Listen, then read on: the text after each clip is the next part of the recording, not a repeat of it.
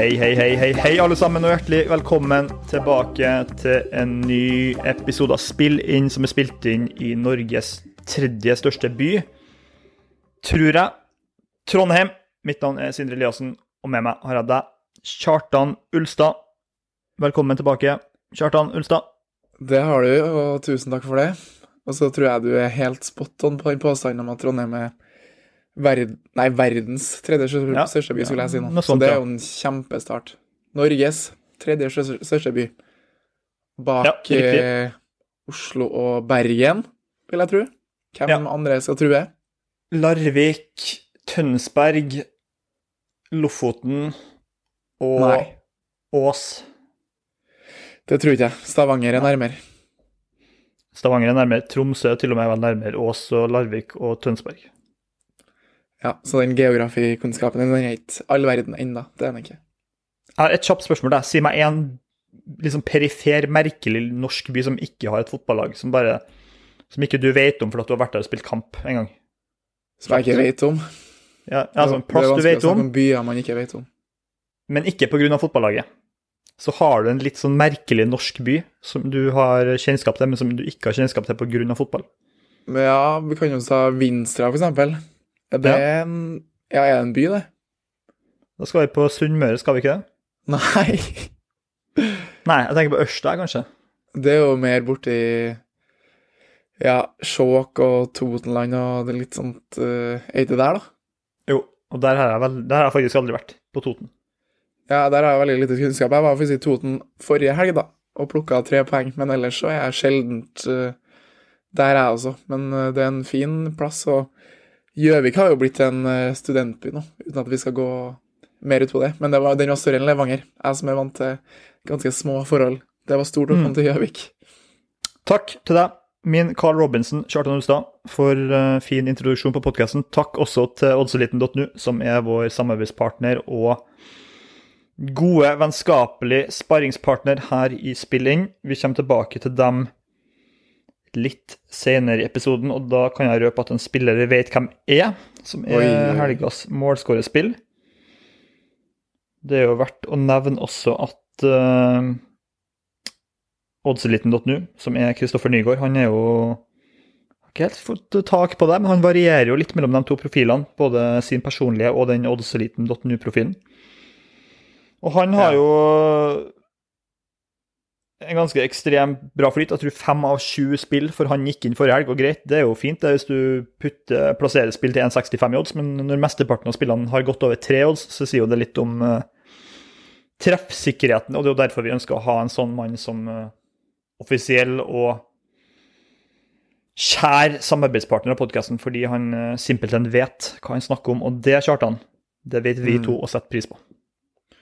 Det setter vi pris på. Han vet eh, mer enn oss skal vi snakke om. Uh, og når du sier Nygård, er det på en måte artistnavnet hans, eller er han litt uh, Er det noen har funnet på han, eller heter han faktisk Nygård? Han heter Kristoffer Nygaard. Han gjør det, ja? Det forventer jeg faktisk at du vet, for vi hadde en episode med han for en måned siden. Ja, men jeg tenkte det Der episodenavnet er Kristoffer Nygaard. Ja, OK, greit. Da, Er det et, kunstner, er det et kunstnernavn? Et helt standard norsk uh, mannsnavn mannsnavn to på det kunne ha ord? vært. Det kunne okay. Vært. Ja. Ny kunne ha vært for nypene, eksempel. Gård kunne ha vært for noe annet, så man vet aldri. Men ja, OK. Hva er din lærdom siden sist? Ja, angående Sverre Nypan, så skal vi til Rosenborg mot uh, Bodø-Glimt. Jeg hadde en liten lærdom derifra, for jeg Mm. avskrev jo Rekdal totalt og trodde ikke han kunne være uh, ja, få med seg noe i den matchen. Men det viser seg jo at han fortsatt kan være en luring i sånne kamper. Og plutselig så dro han jo opp Sverre Nypan fra hatten. Har jo ikke sett han i hele år. Kommer han og Capsen, Jeg bruker jo vanligvis en sånn Mercedes-caps. Ja, ok, ja, Mercedes-capsen. Og plutselig var Rosenborg litt farligere på kontra også. De kunne bruke han Ikke at han er en sånn enormt kontringsspiller, men han var flink til å holde i ball og flink til å legge igjen og gjorde mye rett, da. Eh, I tillegg så syns jeg Rosenborg eh, plutselig hadde et par småsexy angrep, der de starta Ja. bakfra og Ja. gjorde, ja, med Reitan og dro på seg press og slapp en, og så plutselig så var man alene med keeper. Så det kunne jo, de kunne ha skåret et par mål til. Så jeg må bare legge meg flat for den eh, ja, slakten jeg hadde mot Rosenborg sist, for tydeligvis så er jeg ikke helt dødt ennå. Men så så man jo Rosenborg mot Haugesund på, på 16. mai igjen, og da var det veldig flatt. Men sånne kampbilder, sånn som de fikk i Bodø, da kan vi ikke avskrive dem i like stor grad som jeg gjorde da. Så det er lærdommen min. Ja, det er noe å følge med på at Rosenborg står til vel 6,50 borte mot Brann om en ukes tid. Brann er prisa til 1,42, og utladning med cupfinale osv. Og, og cupkamp nå igjen til neste uke, det kan jo faktisk gi Rosenborg en liten edge der, med at de har litt mer energi i tanken, kanskje. og det er et kampbilde som fort kan kle dem på et underlag som også kler dem. Så ja. vi kommer tilbake til det neste uke, men det er en veldig interessant kamp. Min lærdom Du kan heller kalle en, du kan heller kalle en Kjartan. Nei, det kan du ikke gjøre. Du kan kalle en, en påminnelse Kjartan. For ja. det er noe jeg snakka litt om før, og det er Sandefjord og cornerer. Jeg mener at de er med Al-Sad og um, Josef Chaib har uh, noen av de fremste cornerspillene i Norge. Jeg gikk jo på et uh, cornerhandikap corner-handikap den kampen. Og mm. når cornerstatistikken endte opp med å bli 7-7, så ja, Da traff jeg på halvparten av begrunnelser, men uh, missa på den resterende halvparten. Og det er jo at uh, jeg trodde kanskje Sandefjord hadde litt færre cornerpunkter å komme med i angrepsfasen. Så enkelt og greit. Vi, lever mens vi, lever, vi lærer mens vi lever. Og forrige helg, eller på 16. mai, var intet unntak. Nei, og du skal ikke være skuffa over analysen din når uh det laget du tror kommer til å få mest cornerer, får sju cornerer. Men så var det det med Sandefjord at de faktisk har en del typer nå. Og han Al-Said, han eh, kom vel fra nivå to i Sverige, gjorde han ikke? Eller nivå tre? Tre. nivå tre, og så plutselig så er han eh, dominant i Eliteserien. Han eh, har jo vært et skikkelig godt funn for dem. Mm. Vi har en tilbakebetalingsprosent på 14,3% i, i podkasten etter vi starta med nytt uh, unitsystem i midten av mars. Vi har en tilbakebetalingsprosent på Hold dere fast, deg inkludert, Kjartan, på 42,9% i mai. Lenge ja. måtte det var. det var ikke. Eh, det var ikke. Men la oss nå håpe at vi holder oss godt over 5% eh, iallfall, og potensielt også 10% Det hadde vært helt glimrende. og det for meg som legger såpass mye i det her, så syns jeg det er meget gledelig å endelig få litt eh, valuta for eh, Eller litt eh, avkastning for innsatsen man har lagt ned gjennom vinteren på det jeg mener har vært veldig gode analyser og gode spill, men der marginer og selvfølgelig også dårlige sluttvurderinger har vært har blitt kostbart, så syns jeg endelig at jeg har begynt å finne meg sjøl litt i det landskapet her, og at vi forhåpentligvis nå har kommet oss gjennom denne her mørke dalen som vinteren og VM var og at vi mm. nå kan eh, sparke fra herfra og holde det gående. Så da vil jeg enkelt og greit at du, min gode venn Kjartan, skal fortelle meg hvor vi starter i dag. Obos-ligaen, Premier League, cupfinalen. Det er også en playoff-semifinale i League One i kveld. Fredag. Og mm. herre min hatt for en kamp vi fikk på torsdag, forresten. Uh, der ja. Sheffield Wednesday tapte 4-0 i første kamp mot Peterborough. Og mot alle odds vant 4-0 etter fulltid i går. Jeg, jeg, jeg, så, jeg registrerer at de skåra 90 pluss 8 det ja. 4-0-målet. Så den må jo være blytung for uh, Peterborough-gjengen å få. Og jeg hadde håpa at du kanskje skulle si at det var blytungt for Peterborough-manager Darren Ferguson å få et mål imot i Fergie-time. Du tok ikke ja, det. Det, er faktisk et godt poeng. Og Men, spesielt når det var lagt, det til seks minutter. Kan du fortelle oss hva som skjedde her, da? For det her er jo noe ikke bare League One-interesserte har fått med seg. Det er jo noe alle snakker om, i hvert fall i dag. Fredag. Ja, jeg var vel inne på det at Peterborough har noen av de beste hodespillene i divisjonen, og Peterborough har noen av de dårligste hodestopperne i divisjonen. Mm. Så når de bare får stå og mate innlegg på Michael Smith og Patterson og de øvrige, når de har føtter som Barry Bannon kan stå fra dypet og piske innlegg i boksen på på, på, han og Lee Gregory, annet. Josh Windas. De har masse typer som er bra i boksen, og som har uh, Når de får lagt det første trykket på, og de ofte vinner førsteballen, så kommer klareringene ofte ikke lenger ut enn til 16-20 meter, og da får de lagt et sånn ettertrykk på nytt og på nytt og på nytt. og De hadde bare 50% eller 55% av ballen mot eh, Peterborough på torsdag, men hadde vel 33 avslutninger i matchen. Så Ja, har ikke jeg innleggstallene foran meg, men de hadde ifølge Flashcore 111 såkalte dangerous attacks, og det er jo ofte innle eller innleggssituasjoner der du kommer rundt og får dobla på kant, og du er i posisjoner der du kan få, få lagt trykk, da. Så jeg var ikke der at jeg avskrev dem på 0-4 forrige uke. Det er lett å si nå, men, men Hillsborough de er Sheffield Wednesday er et av de lagene i League One. Jeg tror faktisk de er det, det laget i hele engelske ligasystemet som har skåra flest mål det første kvarteret av kamper. Og når okay, de da ja. får den første etter ni minutter, eh, så vet man at da kan det bli fullstendig galskap. Og, og det ble det mot et Peterborough-lag som er dårlig borte, og som i tillegg ikke er best når de må forsvare seg. Ja, det er jo litt dobbel effekt her. Du får litt vann på mølla, det laget som jager, og så blir man stressa hvis man har eh, et resultat å forsvare, da, som Peterborough hadde her. Så Mm. det, ja. Det var kjipt for eh, Fergie og gjengen, men eh, ja, artig at man fikk en så, så kul kamp, da. Hadde jo håpa på litt mer Jeg følger jo litt mer Champions League, det vet vi jo. Hadde jo håpa på en litt mer spennende kamp der på Etiad på onsdag også, men det var jo overkjøring fra Ja. start til slutt uten sammenligning for øvrig. Men eh, Mitt tips Ja. til deg er å se kamper som betyr litt, og som er interessant, og som kan bli artig. Det er jo mitt beste råd til deg. og da ja, så City Real Madrid, det, det styrer man unna, mener du? da hopper man i hvert fall ned et par divisjoner, for du spiller jo sjøl på nivå tre og vet jo at det der ofte er de mest Texas-pregede kampene kan være. Men eh, fra vann på mølla, Kjartan, til kampen som nå er vann under brua. Vi kan bevege oss videre. Mm. Hvor, hvor vil du at vi skal starte? Jeg vil at vi skal bryte opp litt. så Jeg synes jeg kan ta eh, Jeg har et tennisspill. Jeg syns jeg bare kan ta det først, før lytterne slår av. og Starte le av tennisligaen. praten Starte tennisligaen. Starter i Roma. Ok. Der det er en, fortsatt en ATP 1000-turnering som foregår. Og du har jo fått med deg, håper jeg, at det er en stormatch på lørdag. Hvem spiller, Sindre? Holger Rune, Ja, mot Kasper Ruud. Helt riktig. Veldig bra. Og det spillet jeg vil ta, jeg skal være helt ærlig og si at det var, for meg var det fullstendig gjetning. var det der faktisk fullstendig gjetning. Det tror jeg ingen verdens ting på. Det er to faktorer som kanskje har påvirka min underbevisste gjetning her. og Det første er at Per Morten, min gode venn som jeg var på hyttetur med forrige uke, han nevnte at eh, Kasper Ruud har blitt så god, eller at han har klart noe helt utrolig.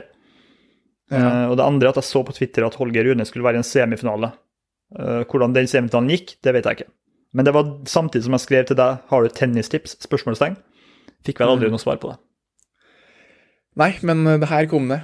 Og spillet Jeg kan jo argumentere først, men eh, du vet jo at jeg er svak for Holger Rune. Men jeg skal ikke la meg være biased her. Det er rett og slett for at jeg mener at det er verdig. Jeg hadde egentlig forventa at Rune skulle være større favoritt her.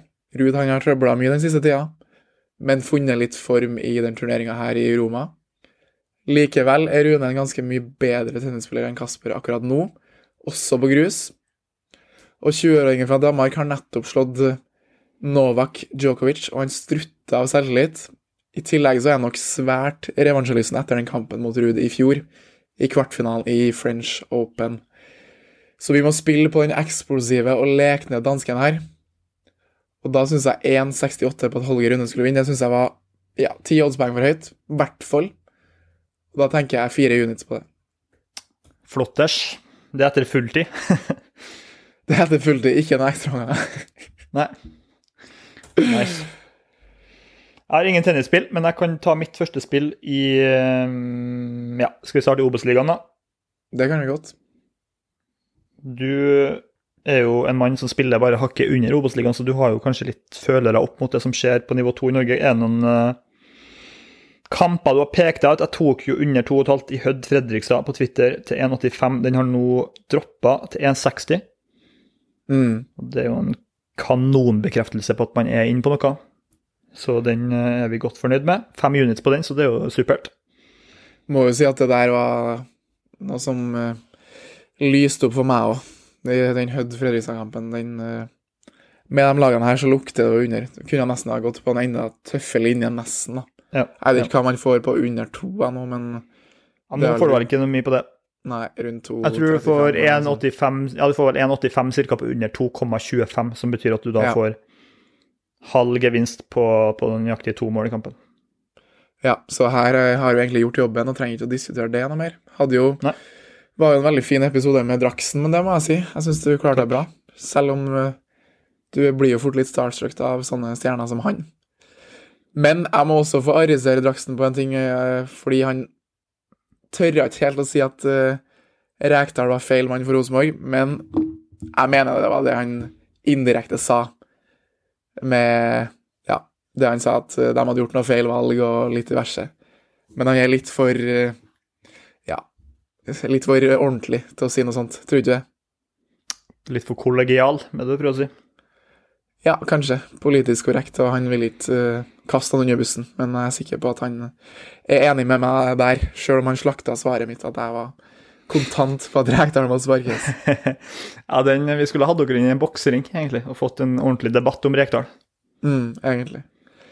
Men uansett så kan vi gå videre til en kamp jeg syns er interessant, og det er Ranheim mot Sogndal. Mm. Der egentlig Jeg skal ikke si at jeg har sett altfor mange Sogndal-kamper i år, men jeg syns 2,25 på Ranheim er greit betalt. For de dro til KBK og var det beste laget og skapt flust av sjanser. Jeg burde ha avgjort det tidligere, men så får de to i sekken på slutten, dessverre, som uh, gjør at de taper matchen. Men jeg syns Ranheim har en litt sånn stigende kurve for tida, og jeg var ikke veldig begeistra for dem i starten, sjøl om de plukka ni poeng første tre. Men eh, da var det litt mer tilfeldigheter som gjorde at de vant. Men siste tida så har de vært eh, et mye bedre fotballag. Og nå er Tromsdal tilbake. Han er skadefri, og de har fått satt litt den eh, fireren bak. Tønne spilte jo nå indreløper, jeg syns jo det fungerte bra. Men jeg vet ikke helt hva som skjer der. Men uansett så ja, lukter mål av Gunnes eh, også, så jeg syns at eh, 2,25 hjemme på ekstra arena er litt, bitte litt verdig på Ranheim. 2,30, syns du det er verdig?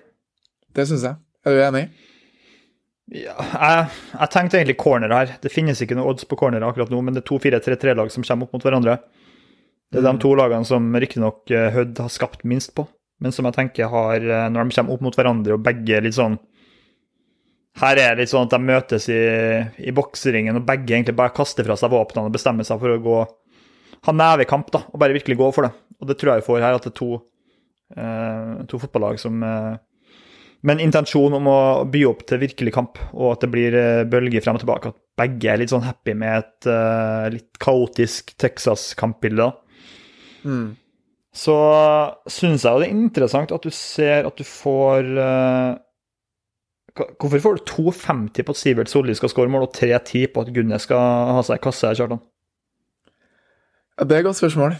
Gunnes skåra jo to nå senest, og ja, det er jo Det har vært litt problemer med Ranheim i år, da. De har jo ikke skapt nok sjanser, det har vært lite mål. Fra deres side, de har vel ti mål på er det sju, åtte, ja, sju kamper? Nei, åtte nå. Mm. Og det er jo litt smått, men samtidig så har det jo skjedd eh, tegn på at eh, det har skjedd bedre ut i det siste, og Gunnes fikk jo to deilige tap-ins nå på, på 16. mai. Og, eh, Mm. og Sivert Solli hadde jo en fin, veldig fin start på sesongen, men han er jo ikke noen naturlig målskårer. Og nei, det, for meg så er det veldig, veldig rart at han skal være priser lavere enn Gunnes, for vi vet jo hva gutten fra Rennebu er i stand til. Ja, 2,50 også på Bendik by. Og de neste kandidatene på Ranheim da blir jo da Dennis Gaustad til 3,40. eh, Mats Ja. Reginussen til 4,33, som for to-tre år siden hadde vært et kanonspill. Hva får vi på Eh, Ruben gam- Alta? Gamsen 4,50, og så sa, må vi bla oss langt ned for å finne Alte til 7,50. Ja, det er jo også feil sammenligna med resten av Ikke den, det er ikke den ganske fin, da? Egentlig så er den ganske fin. Han kommer til store sjanser hver match han spiller. Ja. Det så man senest mot KVK. Han brenner en gigasjanse innenfor 16. Mm. Skal jo sies at mål Ja, han har jo ikke produsert veldig mye mål de siste årene, men nå spiller han en ganske ren løper der han kommer til mye sjanser hele tida. Ja. Så 7,50, det syns jeg var høyt, ass. Er det kanskje det Ja, jeg vet ikke om jeg er enig med deg når det kommer til Ranheim-seier, for jeg har har ikke sett så mye av Sogndal, men jeg syns det lukter mål her. da. Det er derfor jeg er interessert i corner, for jeg tenker at det blir to Ja. lag som angriper i bredden. Og to lag som angriper i bredden, kan jo ofte åpne opp for at det kommer en sånn sigende, sugende løp fra indreløper inn i boks, og som får uh, pirka inn en ball med Som har falt ned etter et innlegg og andre ball. da. At han kommer inn på den, eller at den blir slått fem år før fra, ja, fra en Solli-type, f.eks. Så jeg syns det høres veldig, veldig spillbart ut. Vi stryker Ranheim-seier og går for det skåringsevnen til 7,50. Tre units, eller? Du tenker tre på den, altså? Ja, jeg, jeg tenker at det er verdi, da. Altså, Vi må kun se på verdikjartene. Det har jeg alltid sagt. Ikke bry deg om hva, hvor høy oddsen er på innsats, bare tenk Ja. hvor feilsatt mener vi at oddsen er her. Og mitt eh, Jeg syns ikke at han skal stå noe høyere enn Gamstad til 4,50, f.eks. Nei, og det Gams spiller jo mest sannsynlig en dyp. Hvis han spiller, mest sannsynlig så sitter nå han på benken. Ja. Men eh, ja, at det er så mye forskjellige odds på dem to, det er usaklig. Og at han står så mye høyere enn Mats Reginussen også, som Jeg skal ikke si at han er vaksinert på en score, men han kommer i hvert fall ikke til noen mye sjanser for tida. Og alt Mm. det er jo Han er jo, står jo bak mye av det som skjer av Ja. ja. Ranheim-sjanser. Han har fått en uh, veldig sentral rolle i laget her, og han ta, har tatt det skikkelig òg. Mangler bare litt på effektiviteten, men eh, det kommer jo til å løsne, helt sikkert. Det, det, men det er det vi må spille på. Vi må spille på hvor mange sjanser han spiller kommer til. Hva er utgangspunktet, premissene, forutsetningene for at han kan komme til sjanser og da skåre mål. Mm. Og det var sånn som jeg i fjor drev og snakka om uh, Sammy Morse i Ipswich, at han etter hvert kom til å skåre mål, for at han var mer avansert og fikk en mer offensiv rolle i Ipswich-laget. Etter hvert så begynte han å skåre mål. Så alt det, da, siden eh, serieåpninga der han var tatt av med 17 minutter igjen, så har han spilt 90, 90, 90, 90, 90, 90 og 90 minutter. Mm. Så hun står kampa ut, og det syns jeg er et godt argument for at vi skal få mål her, da. Så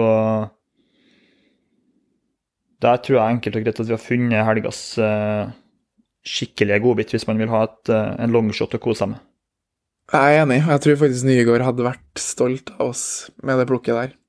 Jeg vet ikke om han følger så mye med på Obos-ligaen sjøl, det tror jeg egentlig ikke. Men uh, jeg tror han kunne vært enig hvis han hadde sett Ranheim så mye som vi hadde gjort. Ja, de her møttes jo i juli i fjor, på Ekstra. Da ble det 3-3. Mm. Så jeg tenker jo at også det er et uh, ikke utenkelig ut, uh, utfall her. Og da er det klart Indreløperen din som kommer i boksen og lager et angrep, 7,50 på at han skal skåre mål. Den kjøper vi hver dag i uka. Vi gjør det, Så må ikke vi glemme at han har faktisk eh, blitt en mye bedre skytter enn han var på tida her i fjor. Han har Ja, bra venstrebein venstrebein jeg Ja, absolutt. bra høyrebein. Så han kan eh, Ja, han kan skåre fra alle posisjoner akkurat nå. Det er jo, kjenner jo Ruben ganske godt, så han er en bra, bra type og bra spiller. Og jeg skal sende på han heftige meldinger om at han må, må sette ballen i mål i morgen. Mm. Eller på søndag. Gjerne gjør det. Ja. Jeg skal gjøre det. Har et uh, spill i Obos-ligaen der er jeg litt delt på om jeg skal ta den ene eller den andre. Du kan jo gjerne komme med din mening, Kjartan. Det er kampen mellom Åsane og Start. Der eh, Ja. Jeg tenker at det skal bli litt mål, da. Så Mm. selv om den kampen som markedet forventer mest mål fra, så syns jeg fortsatt at det er verdi da, på først og fremst linja som er over tre asiatiske mål til 1,95, altså penger tilbake på tre mål, eller start over 1,5 til 1,85. Og hvis vi kun ser på de åtte kampene som Start har spilt i år, da, så har syv, altså sju av de åtte kampene gått over 3,5 mål. Og med Åsane så vet du at du får det samme hver kamp. De kommer til å prøve, de kommer seg til situasjoner gang på gang på gang. De slipper også til en del. Hva var Draksen sa om Åsane? Sa han at de sleit med å komme til siste tredjedel, var det ikke det? Nei, er han sa at, de, er det beste laget i Obos-ligaen mellom de to boksene. Mellom de to boksene, men litt Ja. trøbbel det siste tredjedel. Mangler sluttprodukt, som det er så fint Ja. heter. Så Men det er vel noen tall på at Åsane har, vært, har underprestert veldig på expected goals også. yes, det Hørte jeg her, så jeg er jo enig i at um, med både Åsane og Start involvert, så lukter det jo mål. Og jeg sa jo det der for noen uker siden, da var jo du uenig med meg Nei, om at det kom til å bli mål mellom eh, Ranheim og Åsane. Nei, det var jeg ikke. Nei, det, Det var var- ikke. Jeg sa, jeg, sa, jeg, jeg sa det på en spøkende måte, at det her er laget som har spilt 0-0 i to kamper på rad. Mm. Det var det jeg sa. Så da håper jeg du har selvtillit nok til å motargumentere den spøken, i stedet for å gå rundt og bære nag. Ja, Nei, bare på XG, da. Åsane står med en XG på 1,33 per kamp i snitt, da. Og det er en underprestering på 0,10 i forhold til Start, som også underpresterer den med 0,09. Jeg så jo siste 20 av kampene deres mot uh, Ulf på 16. mai, der uh, de brant sjanser, de slapp til sjanser. Jeg syns det virka som at de var uh, sårbare hver gang det, det kom noe imot dem, egentlig. Så det jeg skulle si om Åsane, at du vet hvilken tilnærming de har. Og de her møttes to ganger i fjor, som de, man da vanligvis gjør i løpet av en sesong, og da vant Start 4-1 og 5-1. Og, og bare litt eh, kalde, brutale tall her, da. Så snittet av Åsane-kamper 3,6 mål i fjor. Og Start 3,4, så at du får linje på tre blank her, det syns jeg er feil. Jeg syns det er en odds på 1,95 på over tre asiatiske mål. Det burde heller vært 1,70, kanskje. Ja, og argumentene du drar fram med at eh, i fjor osv., det gjelder jo fordi det er jo fortsatt Kjelmeland og det er fortsatt uh, Morten Røsland, og de Mm. spiller på akkurat ja, samme måte, kan vi si. Det er i hvert fall uh, han Samme godeste- prinsipper. Ja, det er samme prinsipper, og det er mye, også mye av de samme spillerne, så jeg følger deg helt på den. Det der er et spill vi gjerne kan ta. Vil du ta over tre eller starte over ett og et halvt, da? Det er 1,85. Det er jo ti oddspoengs forskjell her. Jeg er veldig mer på start over tre, for jeg synes, Nei, ikke start over tre. Over tre i matchen, for jeg syns Mm. Start har vist seg å være kjempeustabil. De har et skyhøyt toppnivå, men eh, Ja. de har Ja, bunnivået er, er svakt, altså. Jeg tror ikke vi skal utelukke verken 3-1 eller 0-4 eller 2-2. Jeg tror det kan gå alle veier. Så Mm. fire units har jeg valgt å legge på den. Jeg syns den er prisa feil med 25 oddspoeng, så er det selvfølgelig noe vi må kapitalisere på. En liten påminnelse her om at de fleste spillene har vi henta fra Unibet, men et par er jo også fra f.eks. Bet365. Eh, Det kommer et spesialspill fra meg etterpå, blant annet, som er henta derifra. Eh, Kjartan, Obos-ligaen ellers, hva har du Ja, jeg har ikke noe konkrete spill. Jeg har eh, Vi kan jo bare, diskutere f.eks. Raufoss-Kongsvinger. Der tror jeg det Jeg syns ikke det lukter mål i den matchen. Nei. På grunn av eh, ja, Raufoss er veldig defensivt tilnærma med den steinstramme femmeren sin, og jeg har jo en kamerat fra Levanger som som er, ja, Han spiller ikke på grunn av det der, vil jeg si, fordi han er litt for dårlig defensivt. Han er Simen Tegen? Hagbø. Ja, Simen. Hagbø. Som uh, er en kjempeoffensiv og god venstreback, men har kanskje sine mangler defensivt, som gjør at uh, Westerlund spiller foran han. Og det er litt sånn Mm. Raufoss, de er litt safety first, og de er jo tippa ganske langt ned av bookmakerne også, så det handler om å bare plukke poeng og gjøre I hvert fall være solid. Og Kongsvinger og Vegard Hansen, ja, de skåra vel fem sist match, men det har ikke sprudla offensivt, så jeg dem heller. Nei. Jeg har ikke lyst til å boke for noe, men det er bare hvis jeg skulle ha tatt noe. Og så har man eh, Jerv Kristiansund, der KBK er litt for store favoritter, syns jeg. Jeg syns ikke det er et uh, maskineri, sånn som uh, man kanskje trodde de skulle være når de kom ned til Obos-ligaen. De skulle bare valse gjennom. De er egentlig ikke i nærheten av det. Og nå var det vel en unggutt som måtte komme inn og, og redde dem sist. Mm. Ja, det har uh, Nå har jo Jerv en del skader, og det Ja. veier nok tungt der. Så det var Jeg syns at det høres ut som en ildtang, da. Jerv KBK. Når det kommer Ja. til Når det gjelder Raufoss Kongsvinger, så er jeg enig. Det er 2,18 på under 2,5 mål akkurat nå. Og det syns jeg virker ganske spillbart, med tanke på at Raufoss har spilt eh, 0-0 i to av sine fire siste kamper. Begge av dem har vært på hjemmebane. Eh, hvis vi bare ser på hjemmeresultatene deres sjøl, så har de holdt nullen i samtlige kamper. Ja. Og Kongsvinger borte. Det er ikke noe mye mål. De har eh, på sine fire bortekamper kun én dem har endt med over 2,5 mål. Og de to kampene endte 2-1. Så det her er veldig forenkla, selvfølgelig. Det kan at det burde vært seks mål i tre av de kampene, for alt jeg vet. Men eh, jeg er enig. Jeg syns det er litt sånn Joakim sa det at vi ser en mye mer lukka Obos-liga i år enn det vi har gjort før. Og, og nå begynner jo markedet etter hvert å følge etter det her, da, og prise Hødd-kamper deretter. Mm. Har vi kanskje litt mer eh, Litt mer saft vi kan skvise ut av den sitronen nede i Raufoss, da? Hva tenker du? Jeg skulle vel kanskje bokført det likevel. Ja, det er opp til deg. Jeg syns det er en god tanke. Den hadde egentlig ikke slått meg, men uh, Nei, jeg er ikke uenig. Nei, jeg er åpen for tanken under tre i den matchen her. Jeg syns vi egentlig bare kan uh, Nei, det er kanskje ikke så mye verdig likevel. Har, den har droppa litt nå, så jeg tror vi To. står over, faktisk.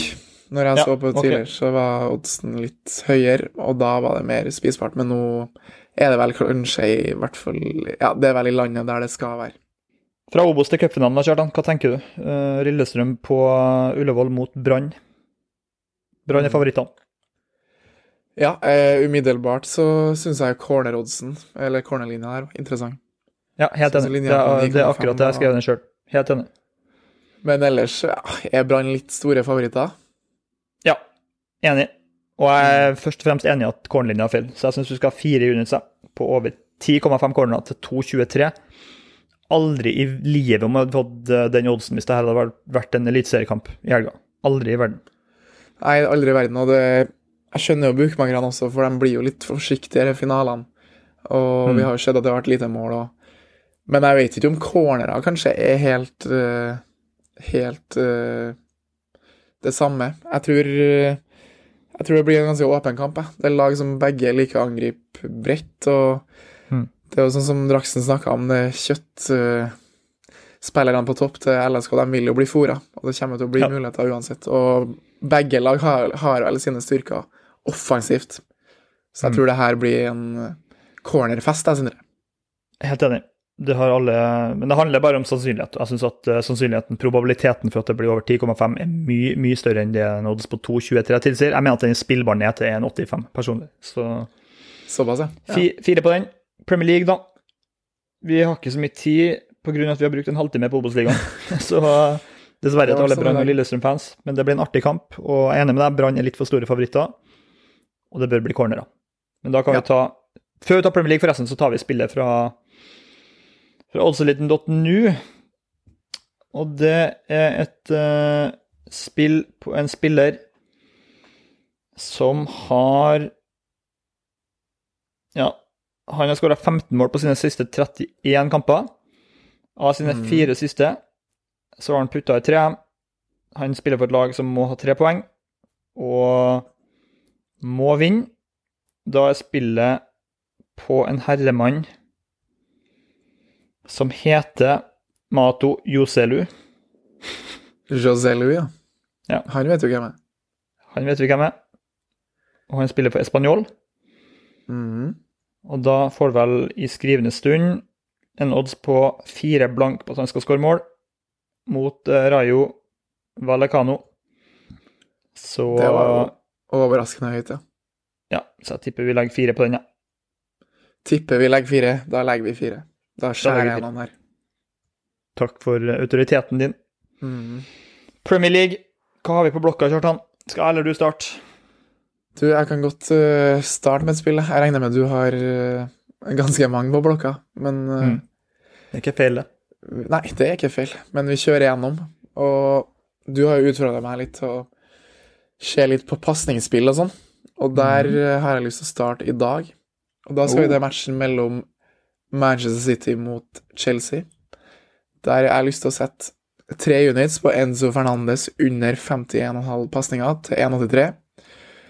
Og den linja syns jeg var høy med tanke på at det Chelsea-laget der ikke kommer til å få låne ballen veldig mye. Høytpresset til City sitter vanvittig bra for tida, og lag som kommer til Etihad- vil egentlig bare komme seg fortest mulig hjem.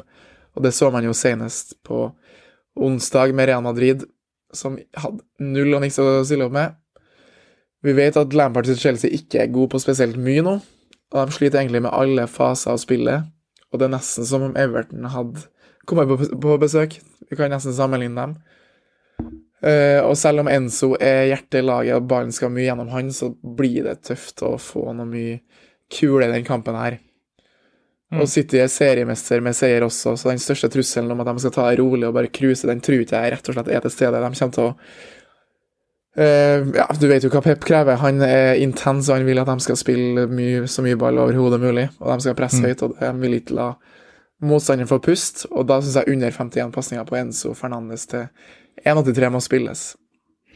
Ja, viktig påpek her at uh, det du sier om at de tar med ro, jeg tror det er tvert imot. da, At de kommer til å gjøre alt de kan for å vinne, sånn at de kan ta det med ro frem mot CL-finalen. Ja, For det var det uh, som var poenget Chelsea her Ja, ikke sant. Så jeg, da jeg skrev blogginnlegget for Unibet om Premier League, så drev jeg og kikka på handikaplinja på minus 3,5, minus 4,5. For jeg tror jeg sitter kommer til å leke med musen som katten gjør når den er i morbid drapshumør. Jeg tror det blir tøft for Chelsea her, og de har sett fryktelig ut helt siden Lampard tok over, egentlig. Så at de skal plutselig få til litt her Jo, de kan jo godt få en sjanse og et mål, men at de skal ha noe mye ball, og, og at Enzo skal liksom eh, drive og dominere fra sin sentrale midtbaneposisjon, det tviler jeg sterkt på. Fint. Hva er grunnen til at du vil legge tre på den, ikke fire? Er det for at det er litt ukjent farvann for deg? Helt riktig. Jeg har ikke Ja. vært borti mye sånne spill, men eh, nå er vi i gang, og forhåpentlig så er det en nisje jeg skal fortsette med. Da skal vi flytte oss videre til en kamp på lørdag. Der er fire spill i samme kamp. Kjartan, okay. det er litt skummelt, kanskje. Småskummelt, ja. Ja. Jeg kan bare sitere Mikkel Arteta, som sa at We have to apologize and look ourselves in the mirror. Etter fadesen mot Brighton i helga, da vi to satt på Tobb Arena på Tiller og så en tredjedivisjonskamp der vi hadde et spill som selvfølgelig gikk rett i kassa. Mm. Nottingham Forest mot Arsenal. Her tror jeg at jeg har funnet et veldig spesielt og et godt spill. Og det er et skuddspill. Først er det faktisk eh, to, nei, tre skuddspill i kampen og ett eh, ikke-skuddspill. Ja. Og det jeg syns er veldig bra og spesielt, det er et uh, skuddspill på en uh, Nottingham Forest-spiller. som Brennan heter- Johnson. Nei, han heter Felipe. Ja, OK. Og akkurat nå så får du to blank i odds på at han ikke skal ha en avslutning i- kampen. Mm. Som jeg syns virker veldig spillbart. Nå ser jeg på tallene at han snitter 0,8 skudd per kamp. Han har en XG totalt gjennom sesongen på 1. Og han har vel ikke skåra. Han hadde vel et annullert mål mot Southampton i en, den her høydramatiske kampen for en halvannen ukes tid siden. Men eh, det er jo hovedsakelig fra dødball at en midtstopper kommer til å komme til avslutninga, som spiller hjertet av Nottingham Forest-forsvaret. Så mine to spørsmål til deg da er jo hvor mange cornerer forventer vi at Nottingham Forest får mot Arsenal? Jeg ser at linja er 3,5. Du får 2,08 hos Unibet på over 3,5 cornerer til Forest. Men det er 1,64 på under, så det forventes at de kommer til å komme en plass mellom 1 og 3 hjørnespark. da. Ja.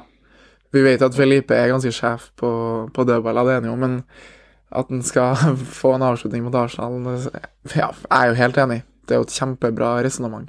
De eh, kommer jo heller ikke til å låne så mye av ballen, og mellom én til tre, det høres jo riktig ut. Så at han skal treffe med hodet på en av dem, det kan jo skje, men eh, Mm. det er ikke veldig sannsynlig. Jeg syns bare det her er en sannsynlighetsvurdering. At det er mer sannsynlig at han skal ha en avslutning mot et eh, revansjesugent Arsenal som har litt presset av seg nå. Eh, mot et eh, Forest-lag som jeg er ganske happy med det ene poenget her. De ligger jo bra an, og usannsynlig at de rykker ned. De har jo en bortekamp mot Palace, tror jeg, i siste serierunde. Og der vet de jo at det er muligheter for å vinne mot et uh, Crystal Palace-lag som allerede har uh, booka billetter til Ibiza, Mallorca og Det som er El Sheikh, eller hva heter den i Egypt der, kanskje, for alt jeg vet. Marokko. Så- Sharm el Sheikh. Sharm el Sheikh. Sharm el Sheikh, ja. Yes, det er riktig. Mm. De kommer sikkert også til å få noen frispark, så jeg tipper kanskje mellom tre og sju faste situasjoner som han har en potensiell mulighet til å ha en avslutning på. Ja. Og når det er det, så tenker jeg at to blank er spillbart på at han ikke skal få skallen på en ball som han forsøker å score mål med. Det syns jeg hørtes meget fornuftig ut. Og du har tre spill til i matchen, så vi må bare kjøre oss gjennom. nå. Ja. Nummer to, Bukayo Saka, over 1,5 skudd på mål til 4,50. Eh, Mats var uenig. Han syns at eh, Saka ser ut som en spiller ut av form. Han tør ikke å prøve på like mye, men jeg tror at Arsenal kommer til å kjøre over Forest der. Mm. Og da skal det så lite til for at han har to skudd på mål, så 4,50 på det, syns jeg er nok et uh, kanonspill. Det tredje er at Ødegaard skal ha 0,5 eller over 0,5 skudd på mål til 1,72. Du får også Det spiller vi 4,50 på at han du får også 4,50 på at han skal over 1,5 på mål. Jeg tenker heller at vi tar uh, over 0,5 på han. Ja. Og så til slutt, som er spillet jeg liker også veldig godt, det er at Arsenal skal vinne kampen, men at de holder nullen i prosessen. Og da kanskje du hever på noe, eller rynker på noe øyenbryn, jeg vet ikke, men det handler jo bare om verdi. Og hva tror du vi får på det, Kjartan? Av Shallowin to nil. Mm. 2,50 kanskje? Syns du det er spillbart? 2,50? Ja. ja. Så du syns 3,15 er også spillbart, eller? Nei, det syns jeg ikke er spillbart. Nei, Det Da tror jeg vi legger den. Veldig lite Skrinlegger den. Spillbart. Legg Skrinlegger den i skrive, skrivebordsskuffa. Mm. Nei, jeg syns det er et knallspill. Nok en gang. Kjempespill. Eh, Ja, Gunners har ja. eh, ho- holdt nullen mer enn på bortebane enn på hjemmebane. Så at de skal gjøre det borte mot en dumpekandidat, eller et lag som er i fare for å rykke ned, som kommer til å forsvare seg for å klare å unngå tap her. Ja, jeg ser ikke den samme desperasjonen i dem som hos f.eks. Leicester, da. Eh, Så i form av at de må, eller Leeds. Mm. Så 3-15 også syns jeg er et knallspill. Det skal vi selvfølgelig ta. Kjempespill. Og det er jo litt usikkerhetsmoment med formen til Arsenal, men de kommer nok til å slå hardt tilbake her. Og så bare lurer jeg på, når du har Ødegård i knallform, hvorfor du går på Saka-skudd over 1,5 og ikke Ødegård over 1,5, når oddsen er lik. For Ødegård luk det lukter jo krutt av han om dagen, så jeg er jo litt enig med Mats. Han er jo Saka er, som han sier, litt ute av form, har sett litt uh, småsliten og tynn ut en periode. Så Mm. heller Ødegård over 1,5 i mitt hode. Hva med begge to? Altså, altså etter de går inn, så er man i, i pluss. Ja, det går også an. Og hvis null av dem går inn, så er man i kraftig minus. Mm, det tåler vi etter en fantastisk eh, mai måned. Ja, vi kan godt gjøre det. Ok, fire Junis da på Felipe-spillet, tre på Saka-spillet, tre på Ødegaard-spillet, tre på Arsenal win Mm. Eh, det er Ødegaard over 1,5 til 4,50 og Saka over 1,5 på mål til 4,50. Tre på hver av dem. Arsenal win to 3,15 og da Felipe under 0,5 skudd i kampen til to blank. Og så er det et litt åpent spill fra meg, og det er i matchen mellom Newcastle og Leicester, der Leicester vel er nødt til å vinne. Jeg tror de kommer til å bli knust, men jeg tror de kommer til å gi det et helhjertet forsøk så lenge det er håp. Og ja, det er ei høy skuddlinje, men jeg syns at det er litt verdi her på å spille eh, over 26,5 skudd på mål i kampen hos Nei, på mål. Over 26,5 skudd i kampen eh, til 1,98 hos Unibet. Fordi Newcastle også sannsynligvis må vinne for å sikre seg Champions League, og da er på hjemmebane i siste kamp foran sine trofaste lidenskapelige supportere på St. James Park. Det syns jeg er Det ligger veldig til rette for en åpen fotballkamp. da. Ja, linja her kunne faktisk vært eh, et par knepp høyere. Jeg er helt enig med Ja. Leicester, de, de har ikke noe valg. De må bare kaste alle mann og i hvert fall prøve å få til en avslutning. De har jo ikke vært i stand til de siste kampene, og de har jo lukket som en sil i, i tillegg. Så det blir jo tøft, det der. Men eh, Newcastle er et godt fotballag, og de skaper sjanser. Du har sett hjemmekamper med dem i år der de har hatt, hatt opp mot 4-5 i XG, og det kan de gjerne få hjemme mot Leicester. Så det kan bli skuddfest. Jeg syns også det er viktig å påpeke at, eh, at intensjonen til et lag som spiller sin siste hjemmekamp, gjerne når de har hatt en ganske bra sesong, det kommer til å være at Ja. de har ekstra motivasjon til å avslutte på en god måte, at det ikke blir noen sånn død fotballmatch. Det, det ser jeg ikke for meg. da. Så Newcastle foran 52 000 på St. James Park mot et lag som er nødt til å ta poeng. Ja. Det kan bli fort en eh, 22-9 skudd, f.eks. her. Det er ikke jo, Det er jeg veldig åpen for at kan skje. da. Jeg er helt enig, og det der er et spill man bare må ta. Ja, fire på den. Og så har vi allerede lagt fem units da, på over 25,5 skudd i kampen mellom Westham og Leeds. 2-0 noe. Eh, den er vel ned på 1,90 nå, syns fortsatt det er litt verdi på den. Samme situasjon der. Westham som har lyst til å avslutte godt foran egne fans etter oppturen mot Alkmaar i midtuka. Leeds må sannsynligvis vinne. Det ligger veldig til rette for en åpen kamp der også. Mm. Eh, masse andre kamper i Premier League, da. Hvor det du har lyst til å ta en titt videre? Ja, jeg syns jo eh, Spurs er litt store favoritter mot Brentford. Det må jeg være ærlig å si. Mm. Mm. Ettersom Brentford er, de er enorme i kampbildene her. De er gode til å ligge og vente og kontre. Men nå mangler jo Brentford Tony. Så det er jo selvfølgelig en svekkelse. Men både Vissa Hørt litt for mye på oss, han. Hæ? Han har hørt litt for mye på oss. Ja, han må ha gjort det. Men både Vissa og Mbuemo de er enorme kontringsspillere, begge to. Og per nå, så hvor mye bedre er Tottenham enn Brentford, egentlig? Er han noe bedre? Nei. Hvis det har skjedd eh, ja, helt siden egentlig Conte fikk sparken, så har de vært syltynne. De var jo veldig dårlige en periode før det også. Men det har ikke Mm. i hvert fall vært noen forbedring med verken Celini eller Mason, og de var heldige som vant hjemme mot Palace, og ellers så har det jo vært stygge resultat også. Mm. Så man kan argumentere for at Spurs har mye å spille for med Europa osv., men helt ærlig så tror jeg spillerne der sliter med å motivere seg sjøl til å spille for en Conference League-plass, eller eh, Europa League, for så vidt. Mm. Og det eneste som bekymrer meg, er at det er potensielt det siste hjemmematchen til Harry Kane, da, og at han kan finne på å være ja, usaklig god som han er til tider. Så Men jeg syns at eh, X2 er bitte litt verdig til 2.03 her, da. Ja. Egentlig. Og så, og så syns jeg det også er verdt å nevne at uh, At uh, f.eks. For, for Newcastle, da, som avslutter foran egne fans, der er en sånn god atmosfære. Det samler seg masse folk som skal ha en siste eh, kampdag sammen før det blir ferie.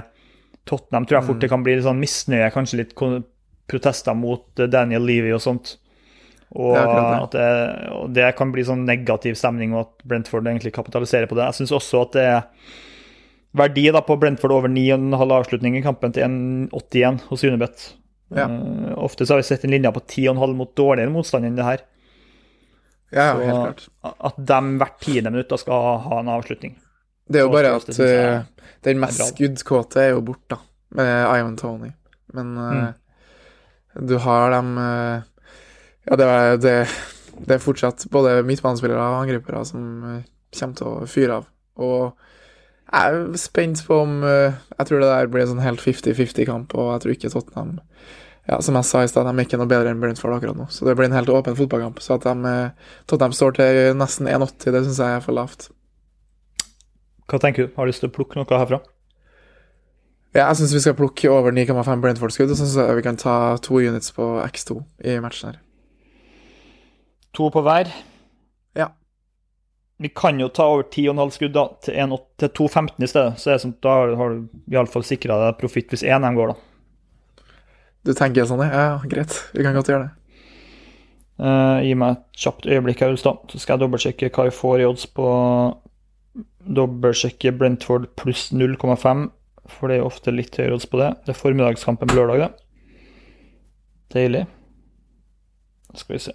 Brentford 0,5 er 2,06 akkurat nå. Ja, det høres eh, meget bra ut. Da kjører vi den. Ja, har du noen tanker om Bournemouth mot ditt Manchester United? Uh, nei, jeg har ikke noe spill der, i hvert fall. Men uh, det er jo selvfølgelig en ekstremt vittig kamp. Så jeg håper jo at United eh, møter opp i, i godt skikk, og det bør de jo være nå. De har fått noen dager fri. Endelig. Mm. Mm. Uh, men så vet vi jo at borte mot Bournemouth det kan være et bananskall. Så jeg, jeg syns ja, det er vel rundt 1,50 på United. Det syns jeg var i knappeste laget, så det er ikke noe jeg har lyst til å ta i det hele tatt. Og jeg syns jo at vi, man så tegn på at eh, United i hvert fall var litt bedre hjemme mot Wolves sist. Og det var, ja, skal vi si, en liten opptur. Men samtidig så går de den etter den kampen her og har vært uh, spillemessig ja, ikke, Jeg skal ikke si underlegen, men det var perioder i matchen der de faktisk ikke fikk tak i ballen i det hele tatt. Og det er Paul Trafford, så det laget der, det lar vi stå litt på vent en periode til. Nok et lite longshot-forslag fra meg da, i kampen her, og det er jo at Antony skal over 1,5 skudd på mål til 3,25. Jeg tenker jo at han, i motsetning til Saka, kanskje er en spiller som virkelig har funnet formen nå, og som eh, har litt selvtillit. Og, det syns jeg Ja, han er veldig god for det.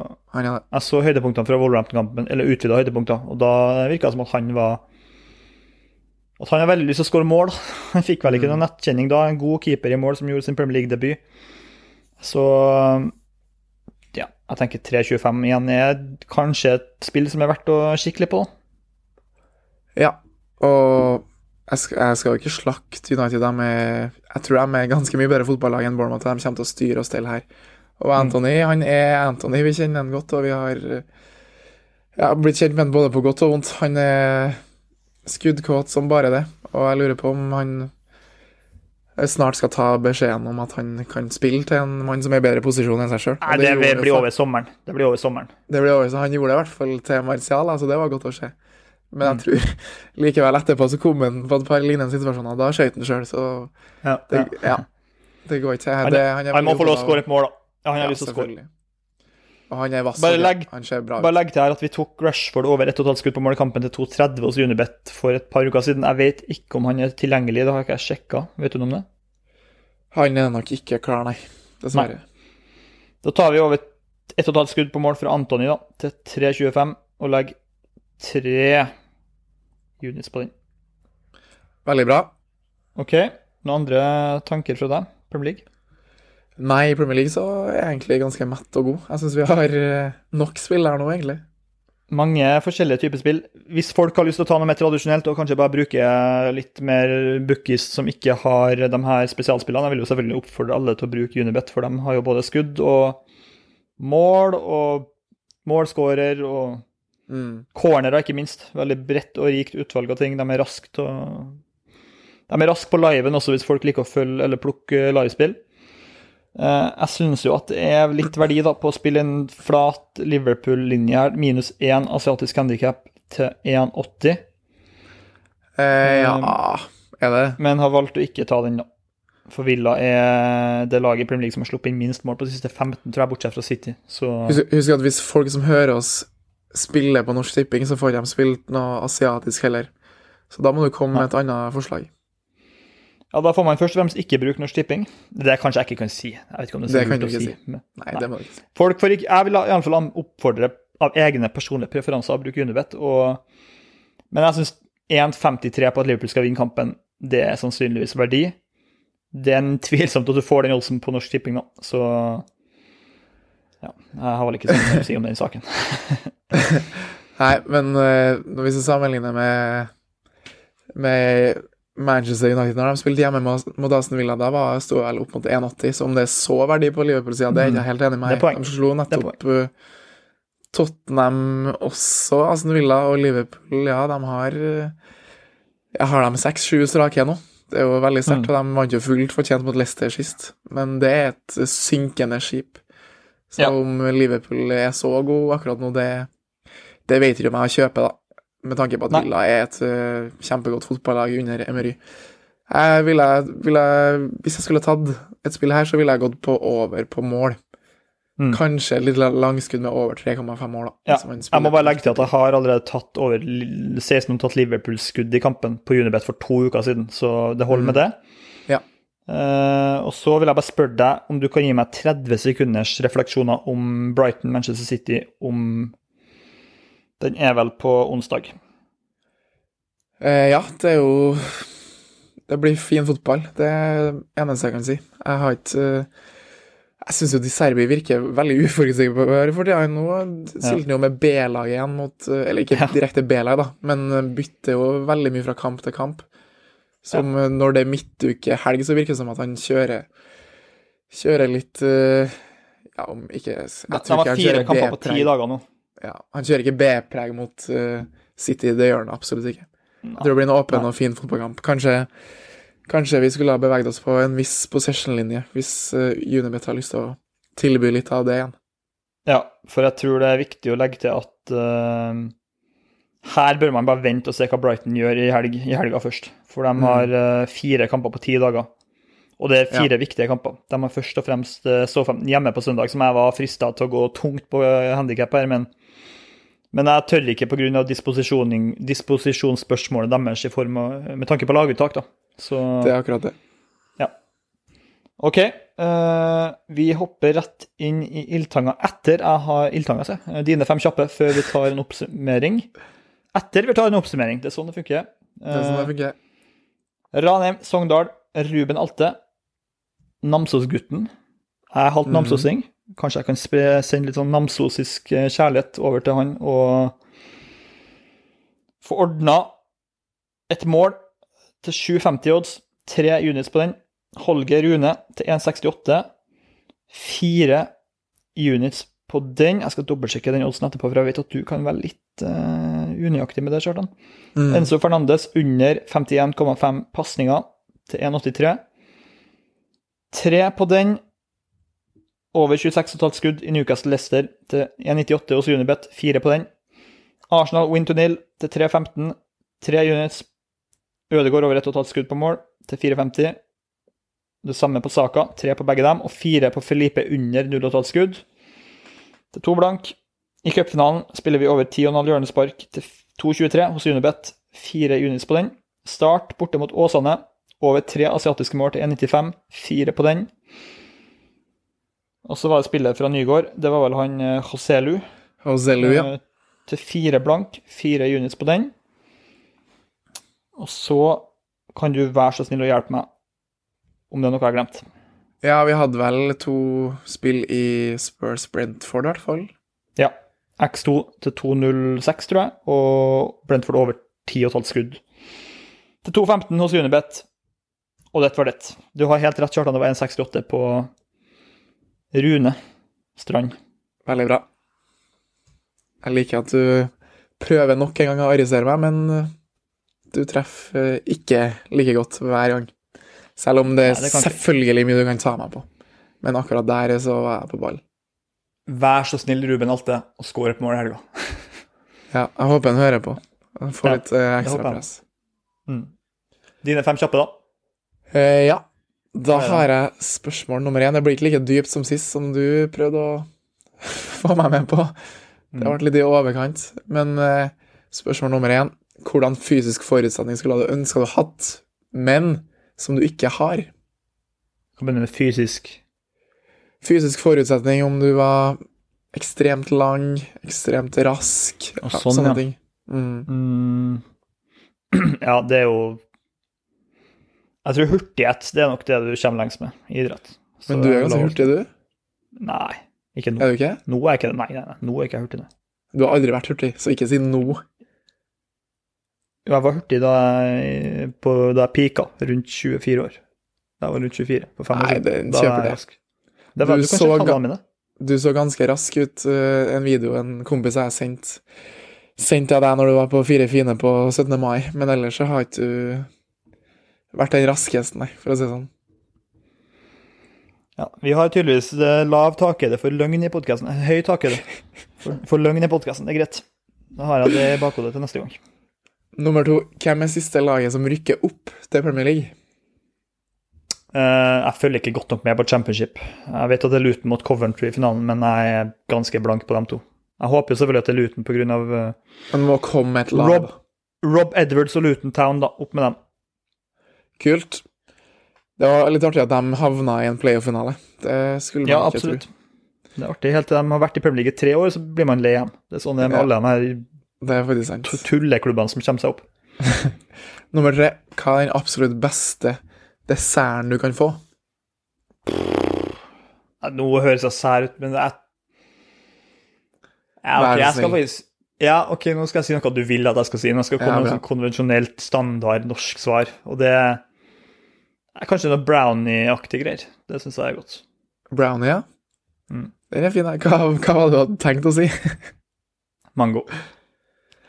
ja, det var vel egentlig det svaret jeg forventa. Men uh, Mm. godt å Det må vel være noe økologisk brownie av noe slag for at du kan dytte ned i gapet hit. Jeg har akkurat kjøpt meg en eh, kartong med kakaopulver, faktisk, så kanskje Mm. du får en overraskelse neste gang du kommer på besøk. ok, bra. Eh, nummer fire. Hvem er det som blir med Southampton ned til championship? Det må vi spørre om når det avgjøres eh, Ja, i løpet av en uke nå. Hva var det du sa? Leicester og Leeds United. Carl Robinson møter Ipswich neste år. Det blir hyggelig. Ja, så du, er, du tror ikke at uh, verken Bournemouth eller Forest roter det på slutten her nå? Nei, Everton, mener du? Ja, Everton, selvfølgelig. Eh, jo, det kan de godt gjøre, men du spurte, og jeg svarte. Ja, bra. Nummer fem. få høre topp tre spillere som har imponert deg mest i Obos i år. Og nå vet jeg at du kommer til å si at du burde ha blitt bedre forberedt på det her, men Ja. få høre tre navn. Nei, altså, jeg har ikke sett kjempemye, men eh, Jo, jeg har tre navn på, på direkten til, jeg, og det er jeg Mm. kjempefornøyd med. Bra. Kan, fire? Kan jeg komme med fire navn? Vær så god. Ørjasæter på Sogndal. Uh. Jeg kan fem navn, faktisk. OK. Ørjasæter på Sogndal. Uh, jeg syns også Urnes på Hødd, han jeg snakka mye om, han syns jeg er bra. Mm. Uh, og så må vi jo nevne helgas målskårer. Ruben Alte syns jeg har vært eh, glitrende. I tillegg til det Enig. så syns jeg Sander Kartum er, er fantastisk god. Og har- jeg syns har blitt mye bedre. Ser ut som en spiller som har mye større selvtillit enn han har hatt før. Og så min yndlingsspiller i Obos-ligaen, selvfølgelig, du vet hvem det er. Jeg vet jo ikke hvem din egentlige yndlingsspiller er, men eh, det jo Arne Gunnes. Nei, Nei, det er Arne Gunnes. Andreas Hopmark. Ja, selvfølgelig. Han syns jeg er Ja, fantastisk han har du snakka om i flere år, faktisk, at du liker. Ja. At, eh, ja, han eh, Men har han vært så god i år, er spørsmålet. Nei, nei, det har han ikke. Nei. Jeg synes Hver gang jeg ser han, så syns jeg han ser så komfortabel ut, og det, det beundrer jeg. Ok, greit.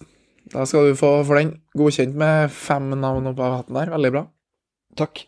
Har du en siste appell til publikum, til Ruben Alte, til Ruben Kristiansen? Jeg vet ikke hvem du har lyst til å komme med en appell til.